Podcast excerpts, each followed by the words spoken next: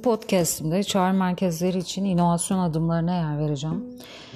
Çağrı merkezlerinin geliştirilmesi için faaliyet gösteren e, çeşitli fonksiyonel e, birimlerde edindiğim deneyimlere dayalı olarak bir çağrı merkezi çalışanının şu ilkeyi daima hatırında tutması gerektiğini düşünüyorum. Problemi tarif et, müşteriyi anla. Müşteri kimi zaman derdini anlatamaz, kimi zaman da yanlış aktarabilir. Bu türden sorunları çözmek için başvurulacak öncelikli merci kendi sosyal tecrübelerimiz olabilir.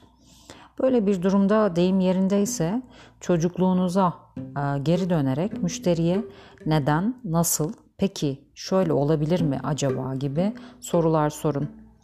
Edison'ın da belirttiği gibi dünyanın en büyük buluşu bir çocuğun beynidir. Çağrı merkezlerinde inovasyona yönelik atılacak bazı adımları şöyle sıraladım ben. Müşteriyle empati e, bağı kurun ve onu anladığınızı hissettirin. Sorunu e, doğru teşhis edin. Fikri e, arama aşamasında konuyla ilgili her türlü bilgiyi toplayın. Lloyd Morgan şöyle der, kendinizi konunuzla tıka basa doyurun ve sonra da bekleyin. Ee, Einstein'ın şu sözü ise e, tamamlayıcı nitelikte bu durumu. En mükemmel fikirler tıraş olduğum sırada aklıma gelir. Müşterinin inovasyon mesajı olup olmadığına lütfen dikkat edin.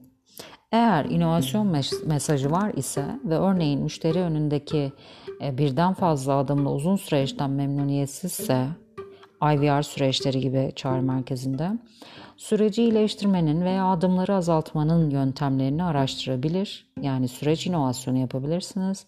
Yeni ürün veya hizmet sunulmasını sağlayabilirsiniz. Ve teknolojik imkanları kullanarak sorunun kökten çözülmesini sağlayabilirsiniz. Uygun bir çözüm önerisi veya bir e, yeni bir fikir bulmanız inovasyon merkezinde olduğunuzu gösterir ta inovasyonun tam odak noktasındasınız. Bundan sonraki aşamalarsa fikri hayata geçirme aşamasıdır. Çözüm hangi birim ya da birimleri ilgilendiriyorsa onların çalışmasını gerektirir. Ancak sorun ve çözümü çok iyi anlatmanız, bu yönde doğru ve anlaşılır bilgi vermeniz çok önemli. Her çağrıyı veya her müşteri talebini bir inovasyon fırsatı olarak algılamak ve bu yönde bir çalışma tarzı geliştirmek çağrı merkezi çalışanına çok şey kazandıracaktır. Şimdi bu noktada şu konuya da e, değinmek gerekiyor. Çağrı merkezi çalışanları e, çoğu kez işte düşük maaşla çalışan, yeni mezun, ondan sonra da tecrübesiz kişiler olarak adlandırılır. Oysa ki firmaların en çok kıymet vermesi gereken çalışanlardır. Çünkü firmanın veya işte kamu kurumlarında kurumun vitrinidir o çağrı merkezi çalışanı.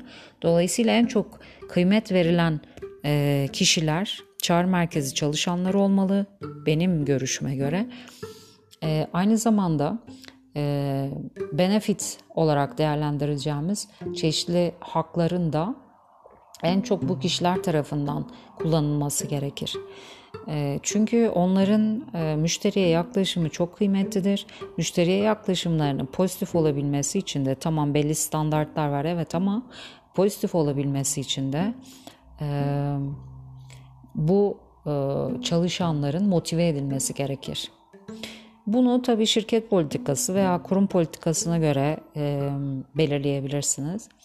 Ancak önemli olan ve dikkat çekilmesi gereken şey şudur ki bana göre yine müşteri hizmetleri ya yüz yüze ya da çağrı merkezindeki müşteri hizmetleri kanalları en çok kıymet verilen kanallar olmalı. Çünkü yine tekrar ediyorum hem şirketin hem de kurumun vitrinidir bunlar. Dolayısıyla müşteri hizmetlerinin demotive bir ses tonuyla konuşması, çözüm üretememesi veya müşteriyi azarlar gibi konuşması tamamen o şirketin imajını sarsar, o kurumun imajını sarsar.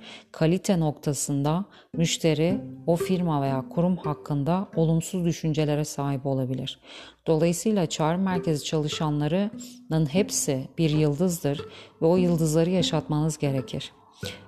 Hem orta düzey yöneticilere işte advisor, supervisor, direktör, ondan sonra e, genel müdür yardımcısı, genel müdür vesaire hangi e, organizasyonel yapıda e, hangi yönetim kademesindeyseniz e, bu önemli değil. Çağrı merkezi e, çalışanlarını bir şekilde önemsemeniz ve ona yönelik e, iyileştirici politikalar uygulamanız gerekir.